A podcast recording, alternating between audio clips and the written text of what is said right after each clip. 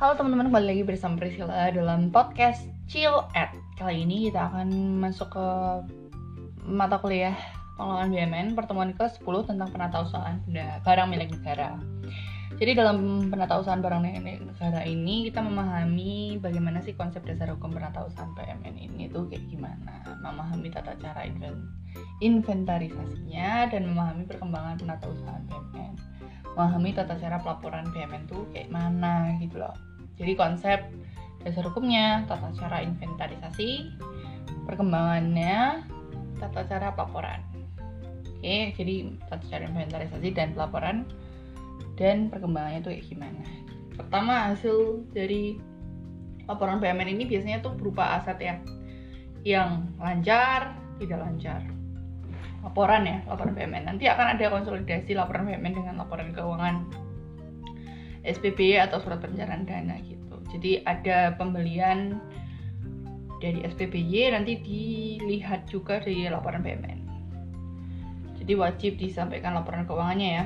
Kemudian dasar hukumnya berikut ini, kemudian konsepnya seperti itu. Menata usahakan merupakan rangkaian kegiatan yang meliputi pembukuan inventarisasi, laporan barang negara sesuai dengan ketentuan. Jadi penata usahaan itu pembukuan, inventarisasi itu kayak apa ya melihat keadaan barang ya. Terus habis itu melaporkan BMN atau BMD sesuai dengan ketentuan. Tujuannya apa? Supaya tertib ya administrasinya itu baik terus mendukung pengelolaan BMN supaya menyediakan data-data yang akurat dan data-data yang benar. Untuk mewujudkan e, laporan BMN akan digunakan sebagai bahan penyusun neraca pemerintah pusat jadi BMN ini sebenarnya penting banget buat kita inventarisasi. Makanya kita perlu juga memahami tentang bagaimana sih menata usaha BMN yang baik. Tujuannya ya supaya tertib dan nanti bisa menjadi laporan keuangan pemerintah pusat sebagai bahan pertimbangan tentunya ya kalau udah tahu laporan keuangan pemerintah pusat LKPP sebagai bahan pertimbangan mengambil kebijakan dan mendukung tertib pengelolaan. Jadi kita bisa mengelola BMN ini dengan tertib data-datanya juga bagus. Kemudian ruang lingkup pengetausahaan itu pembukaan inventarisasi dan pelaporan. Pembukaan itu daftar pencatatan ke dalam daftar barang. Inventarisasi adalah pendataan pencatatan pelaporan hasil pendataan BMN. Jadi mencatat hasil mendata. Kalau pembukuan adalah mencatat. Mencatat ke dalam daftar barang. Oh, oh ini daftar barang yang masuk, ini yang keluar. Kalau inventarisasi itu data pendataan. Dari hasil pendataan kita mencatat kayak gimana perkembangan dan lain-lain Laporan itu adalah menyampaikan data dan informasi secara semesteran atau tahunan. Data-data itu disampaikan. Kalau objek usahaan BUMN ini semua barang yang dibeli atau diperoleh atas beban anggaran APBN. Jadi semua barang yang dari APBN ya. Semua yang berasal dari perolehan lain, contohnya misal hibah, itu juga merupakan objek. Hmm, terus pelaksanaan perjanjian kontrak, penentuan dari UU, terus putusan pengadilan yang memiliki kuasa hukum tetap itu juga termasuk objek usahaan BUMN. Next untuk subjek berarti kan kita bisa uh, seperti hal sebelumnya subjeknya pasti pengguna dan pengelola barang. Di mana pengelola barang itu adalah DJKN dan ada DJKN Kanwil dan KPKNL yang ada di paling bawah unit terbawahnya DJKN. Untuk pengguna barang UAPB unit akuntansi pengguna barang ini nanti menjadi tugas pembantuan dana konsentrasi dan BLU ya tugas pembantuan dan dana konsentrasi BLU ini nantinya akan um, UPPPE itu unit pengguna barang eselon 1 di Kanwil di JKN itu nanti. Uh, terus di Kanwil tuh UAPB unit akuntansi pengguna barang pengguna barang pengguna barang di pengguna barang masing-masing ya. Nah makanya ini ada kuasa pengguna barang Oke, okay, next untuk unit akuntansi dan unit pelaporan ya. Di sini UAPB secara fungsional itu dilakukan oleh unit eselon 1 yang merupakan bidang kesekretariatan eh kesekretariatan unit eselon 1 2 3 3 2 3 4 yang membidangi BUMN penanggung jawab dan menteri pimpinan lembaganya. Jadi dia penanggung jawabnya adalah menteri pimpinan lembaga, tapi yang mengelola si UAPB yang ada di eselon 1 yang mana membidangi kesekretariatan unit eselon 1 2 3 ada eselon 1 2 3 nya di mana UAPB eselon 1 berarti dilakukan oleh eselon 2 yang membidangi kesekretariatan unit eselon tiga empat yang membidangi BMN penanggung jawab adalah pejabat eselon satunya. Oke UAPB pejabat eselon satu Nah, untuk UAPBW secara fungsional dilakukan oleh unit eselon 3 ya. Peserta nanti peta penanggung jawabnya adalah gubernur. Sedangkan untuk dana konsentrasi adalah gubernur, tapi untuk penanggung jawab yang di lapangan adalah eselon 2. Untuk daerah berarti gubernur. Kalau UAPB, PB berarti satker ya. Kepala satker. Dilakukan oleh eselon 1 2 3 4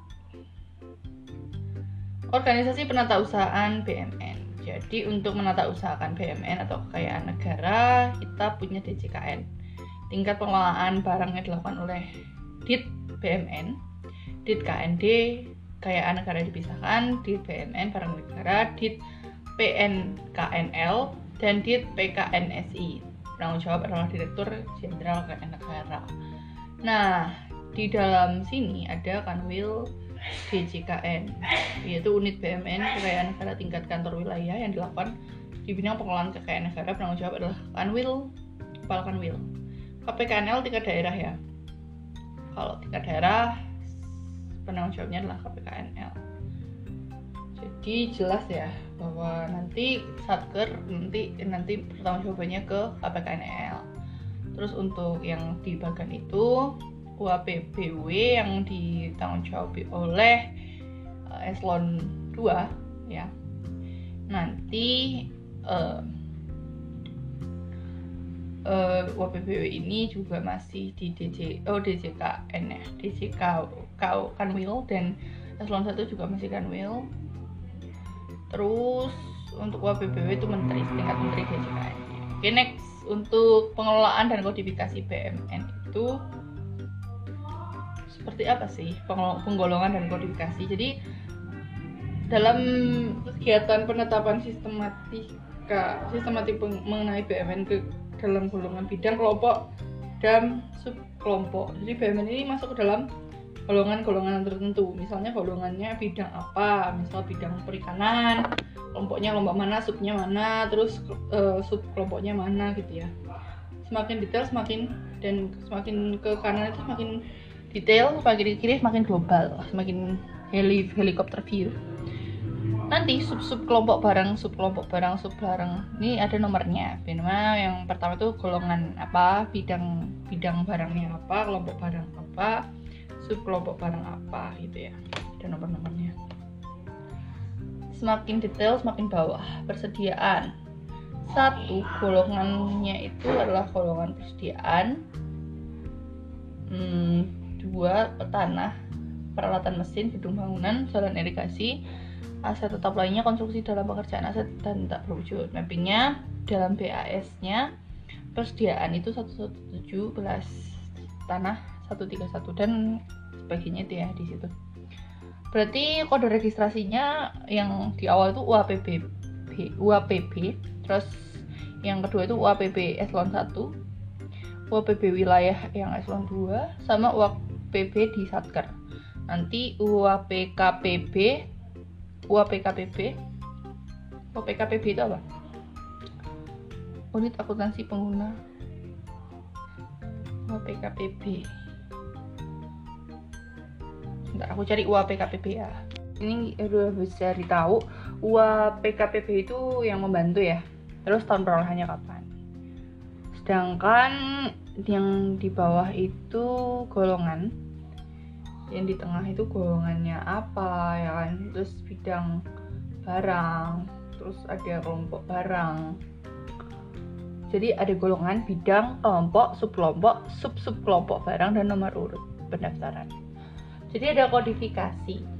Ya kodifikasi registrasi. Kode registrasi merupakan identitas barang yang digunakan sebagai tanggal pengenal yang dilekatkan pada barang yang bersangkutan di mana kode registrasi terdiri dari 18 angka dan kode lokasi terdapat ditambah 4 angka digit tahun perolehan 10 angka digit kode barang dan 6 angka digit nomor pendaftaran. Jadi ada 18 1, 2, 3, 4, 5, 6, 7, 8, 9, 10, 11, 12, 13, 14, 15, 16, 17, 18 itu 2, 3, 4, 5, 6 7, 8, 9, 10, 11, 12 Hmm Oke, okay, jadi nomor urut pendaftaran adalah nomor yang menunjukkan nomor urut pendaftaran BUMN pada buku barang kapan sih diurutannya dan buku barang bersejarah dan DBKP per sub sub kelompok BMN disusun berdasarkan urutan perolehan. Oke, jadi ada urutannya. Next untuk pembukuan BMN ya. Jadi kita udah tahu pengkodifikasian. Bagaimana sih meng mengurutkan BMN itu melalui nomor-nomor identitasnya sekarang kita melakukan pembukuan di mana pembukuan itu pengertiannya adalah pendaftaran pencatatan ya ke dalam daftar barang menurut penggolongan dan kodifikasi barang. Tujuannya apa? Supaya BMN itu terdata dengan baik di mana uh, kan menurut penggolongan dan kodifikasinya berarti apa pemilihannya tepat dan tertib efisien mendukung pelaksanaan pengelolaan BMN secara efektif. Supaya dapat apa kalau terdata dengan baik itu supaya pengelolaannya itu efektif dan efisien.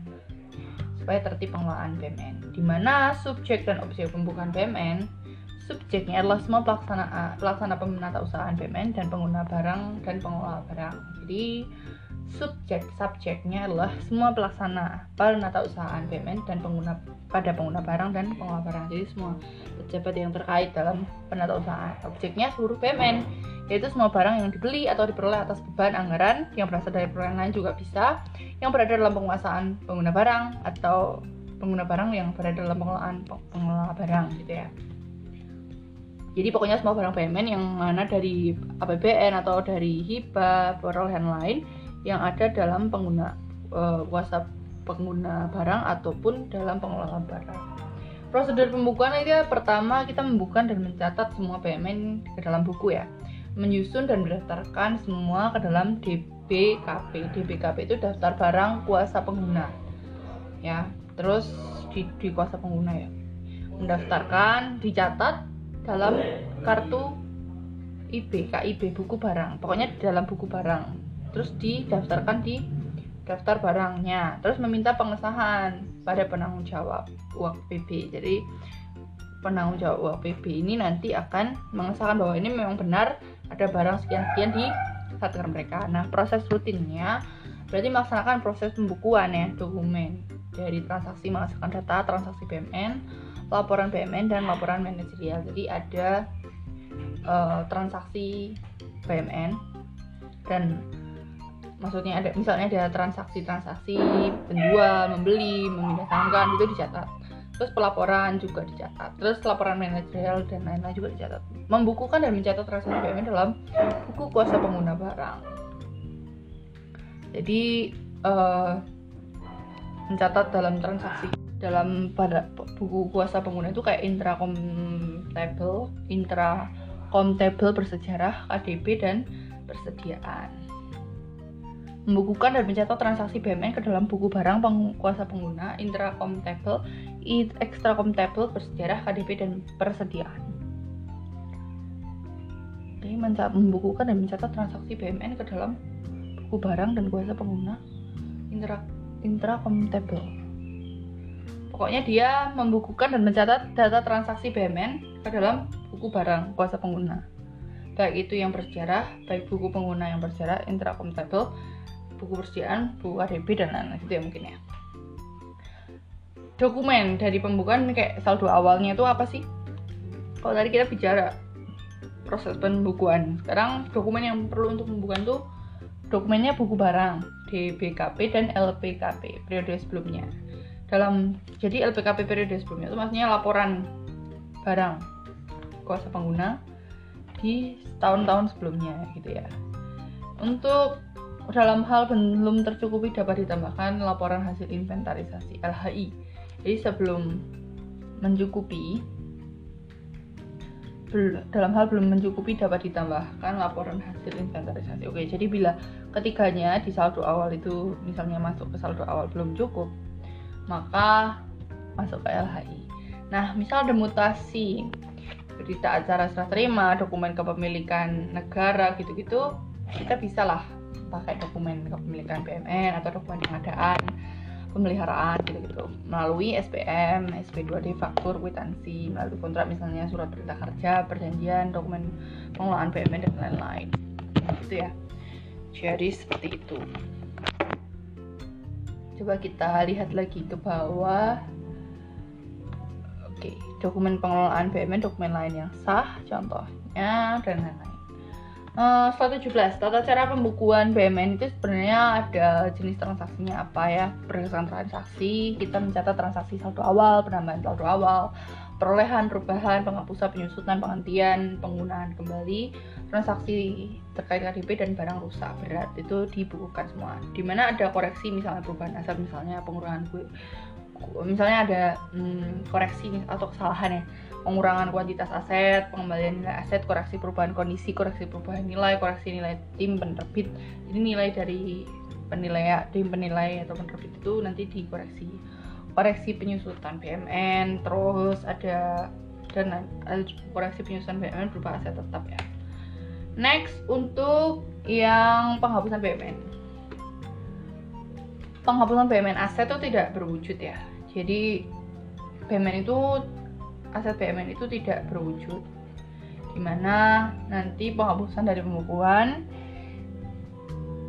um, misalnya seperti ini menghapus putusan pengadilan transfer keluar hibah keluar reklasifikasi keluar re, re, re, eh, koreksi pencatatan penyerahan aset kepada pengelola jadi menghapus yang tidak berwujud itu hampir sama ya sama yang berwujud. Di mana proses membukanya mencatat semua BUMN dalam buku barang kartu identitas barang untuk payment yang harus dicatat di KIB serta daftar barang ruangan atau DBR untuk barang yang dipro, dioperasionalkan di ruangan dan daftar barang lainnya atau DBL untuk payment yang tidak dicatat di KIB dan DBR membuat daftar laporan barang.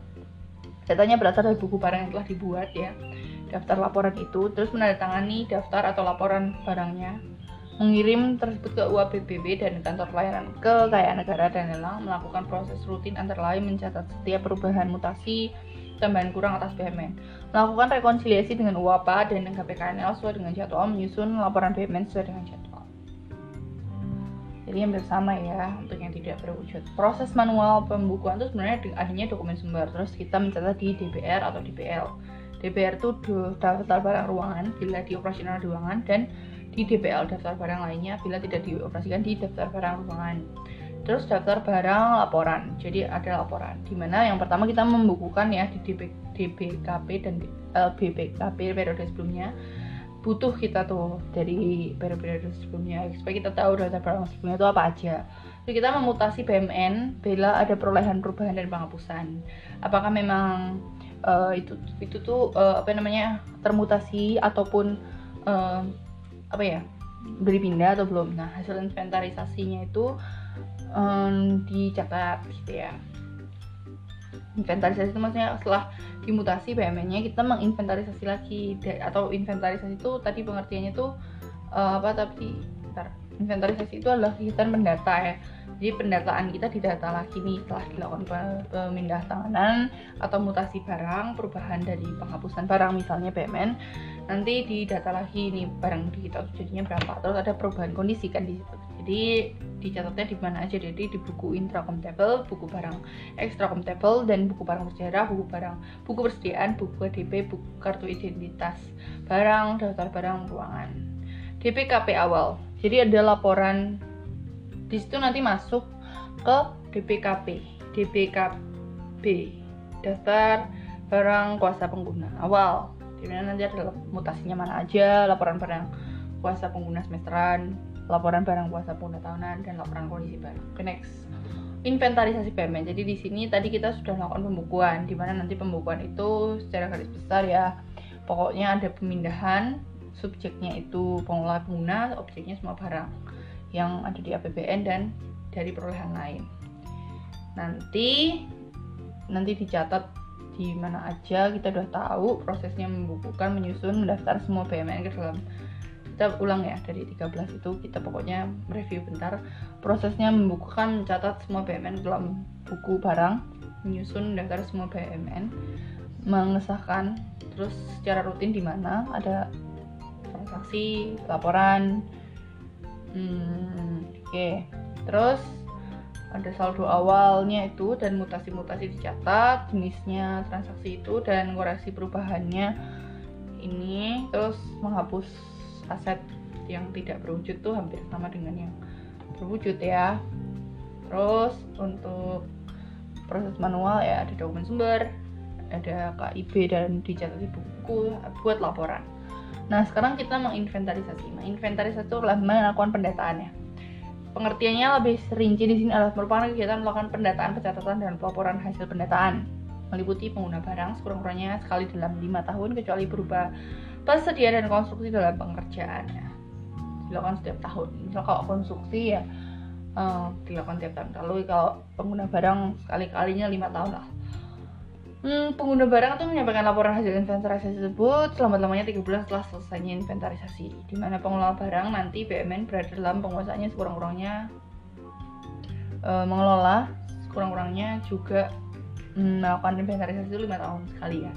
Pilar inventarisasi itu ada dokumennya, prosedurnya, dan keluaran inventarisasi. Jadi ada dokumen, prosedurnya sudah jelas atau belum, dan keluarannya bentuknya apa, output di mana pilar inventarisasi itu ada dokumen ya, di mana daftar barang tuh di situ, dokumen daftar barang, buku barang, KIP, daftar barang ruang, daftar barang lainnya, laporan dan lain-lain, pokoknya semua buku-buku itu diperiksa. Habis itu keluaran inventarisasi itu maksudnya laporan hasil inventarisasi, surat pernyataan ke kebenaran hasil, apakah benar hasilnya sekian dari seperti di laporan, terus belangko label sementara kertas kerja inventarisasi, daftar barang hasil inventarisasi, baik rusak ringan, rusak berat atau gimana gitu ya. Berarti keluarannya itu kayak lebih ke kondisi fisiknya gitu ya. Untuk selanjutnya ketentuan inventarisasi itu misalnya tahap persiapan ya. Kita ngerencanain dulu mau inventarisasi selama lima tahun sekali itu ya. Mengumpulkan dokumen, menyiapkan belangko label sementara dan menyiapkan data awal. Nah, tahap pelaksanaannya kita mendata Mendata berarti menghitung, meneliti kondisi barang, menempelkan label registrasi sementara, mencatat hasil inventarisasi pada kertas kerja ya. Tahap identifikasinya kita memberi nilai sesuai SAP, dinilai ya. Dan mengelompokkan, mengkodifikasi, memilah sesuai kondisi, meneliti kelengkapan dan eksistensi, meneliti berkas pengadilan dan lain-lain. Pokoknya lihatlah sesuai SAP, mengelompokkan kode-kode fikasinya, memilah sesuai kondisi, meneliti kelengkapan ekstensi, meneliti berkas pengadilan.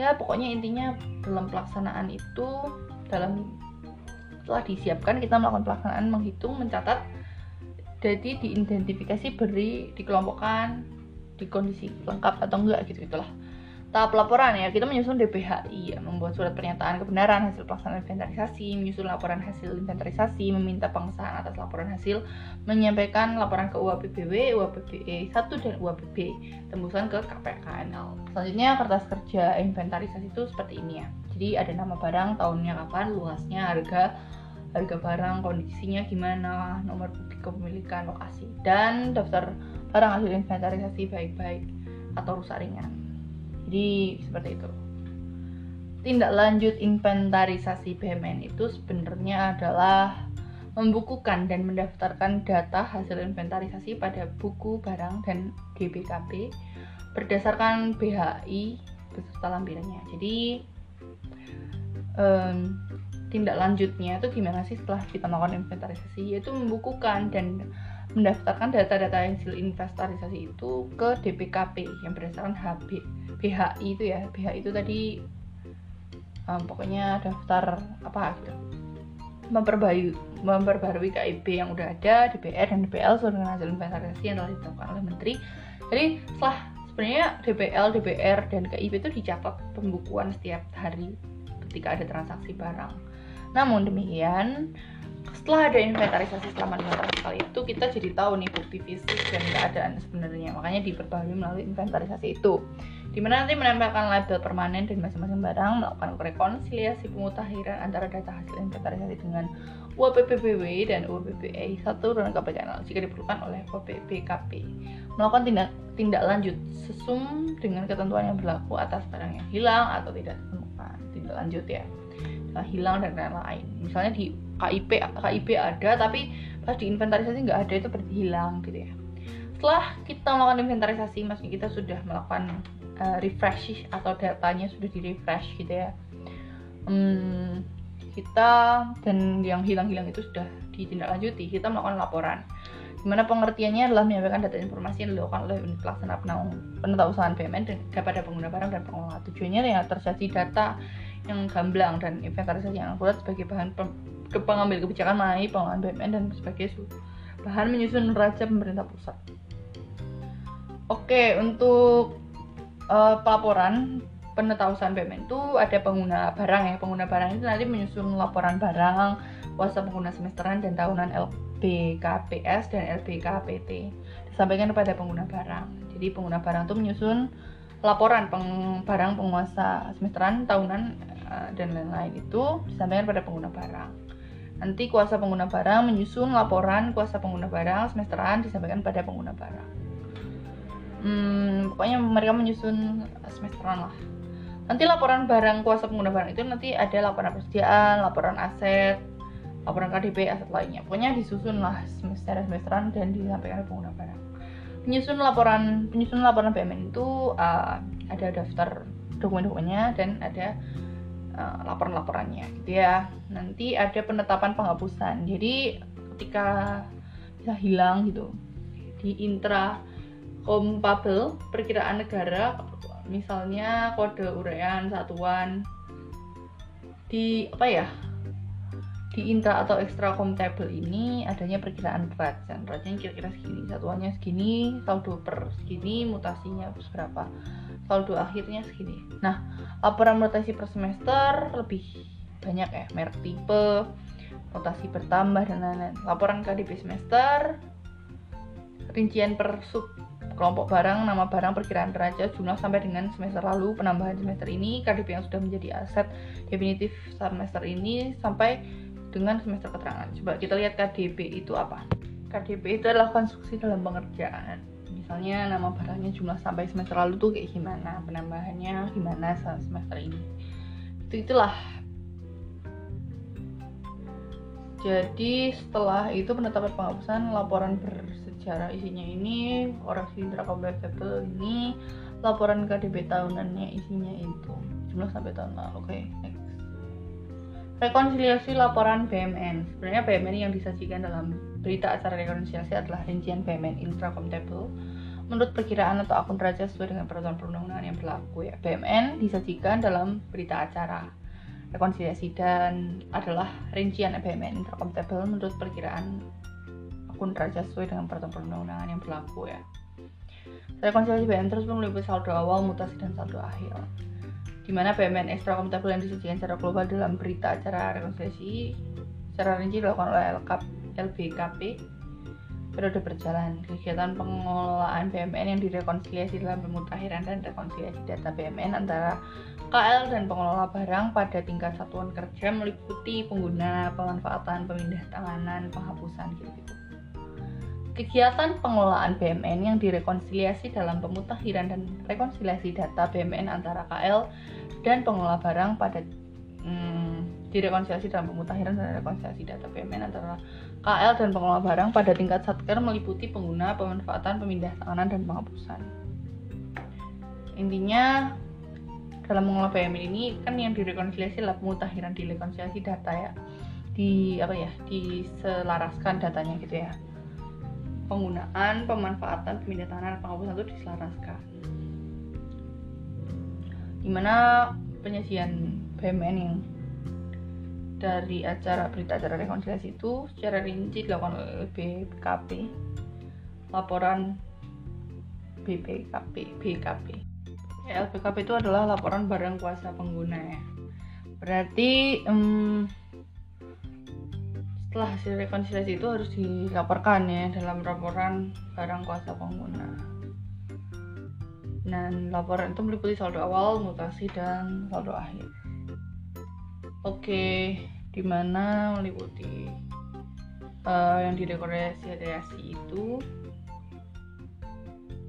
penggunaan pemanfaatan pemindah tangan. Oke, next untuk 32. Saldo awal tuh kesepakatan saldo pertama kali.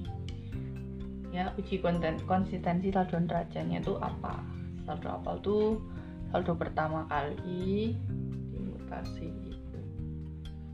Nah, setelah melihat saldo awal, kita menambah mutasi ada tambah atau dikurang. Baik transaksi keuangan dan non keuangan terus PNBP pemanfaatan pemindahan dan penghapusannya itu kayak gimana? Oke proses rekonsiliasi payment tingkat satker tuh misal ada pertama ada uh, laporan dan dari tahun lalu ya dokumentasi ya dokumen transaksi dan ADK nah nanti uji konsistensi awal nih diuji konsistensinya. Sebentar ADK itu ADK itu hasil data center nanti diuji konsistensi server awal. Oke udah konsisten kalau server awalnya. Nanti kita lakukan mutasi misalnya ada mutasi tambah mutasi kurang transaksi keuangan ya maksudnya SP2 DMCM LS transaksi non keuangan itu misalnya kayak pemutahiran data dan lain-lain. Ada rekonsiliasi data yang itu direkonsiliasi atau disesuaikan ya alur penatausahaan BMN itu yang pertama sebenarnya kayak dokumen sumber itu nanti ada masuk ke SIMA dan SAK laporan barang pengguna pengguna barang pengguna LKP nanti LKK laporan kerja KL nanti direkonsiliasi jadilah berita acara. Direkonsiliasi jadilah LBM laporan barang milik negara dan laporan kerja pemerintah pusat jadi pokoknya ada transaksi keuangan dan ada transaksi BMN-nya gitu ya. Jadi masuknya ke berita acara. Next, lingkup dari rekonsiliasi BMN ini sebenarnya adalah rekonsiliasi internal ya. Gimana maksudnya rekonsiliasi internal ini um, di tingkat satker, tingkat wilayah dan pusat. Maksudnya masih dalam satu kementerian. Habis itu ada rekonsiliasi dengan PUN, dengan DCKN, DCPB, dan rekonsiliasi pada pun di DCKN dan DCPB-nya. Di mana LKBP bulanan ya, LPB setelah LK LB laporan laporan bula, laporan barang ke pengguna nanti masuk laporan barang pengguna terus laporan BMN KD laporan BMN wilayah laporan BMN laporan BMN semakin lama sanksi dari rekonsiliasi ini ya tidak melakukan rekonsiliasi pemutahiran berarti paling lama lima hari setelah batas akhir pelaksanaan mutakhir dan rekonsiliasi data berupa penerbitan surat peringatan pada yang tidak menyampaikan laporan. Paling lama tujuh hari setelah penerbitan surat peringatan berdapat resiko pengelolaan penyerahan berupa penunda menyelesaikan atas usulan pemanfaatan dan benda tanganan memberikan rekomendasi mengenai sanksi pengembalian SPM pada KPPN sesuai dengan yang berlaku mengembalikan SPM wow Sekian. Terima kasih telah mendengarkan materi penetapan bendara yang bagian ya penetapan bendara. Bye.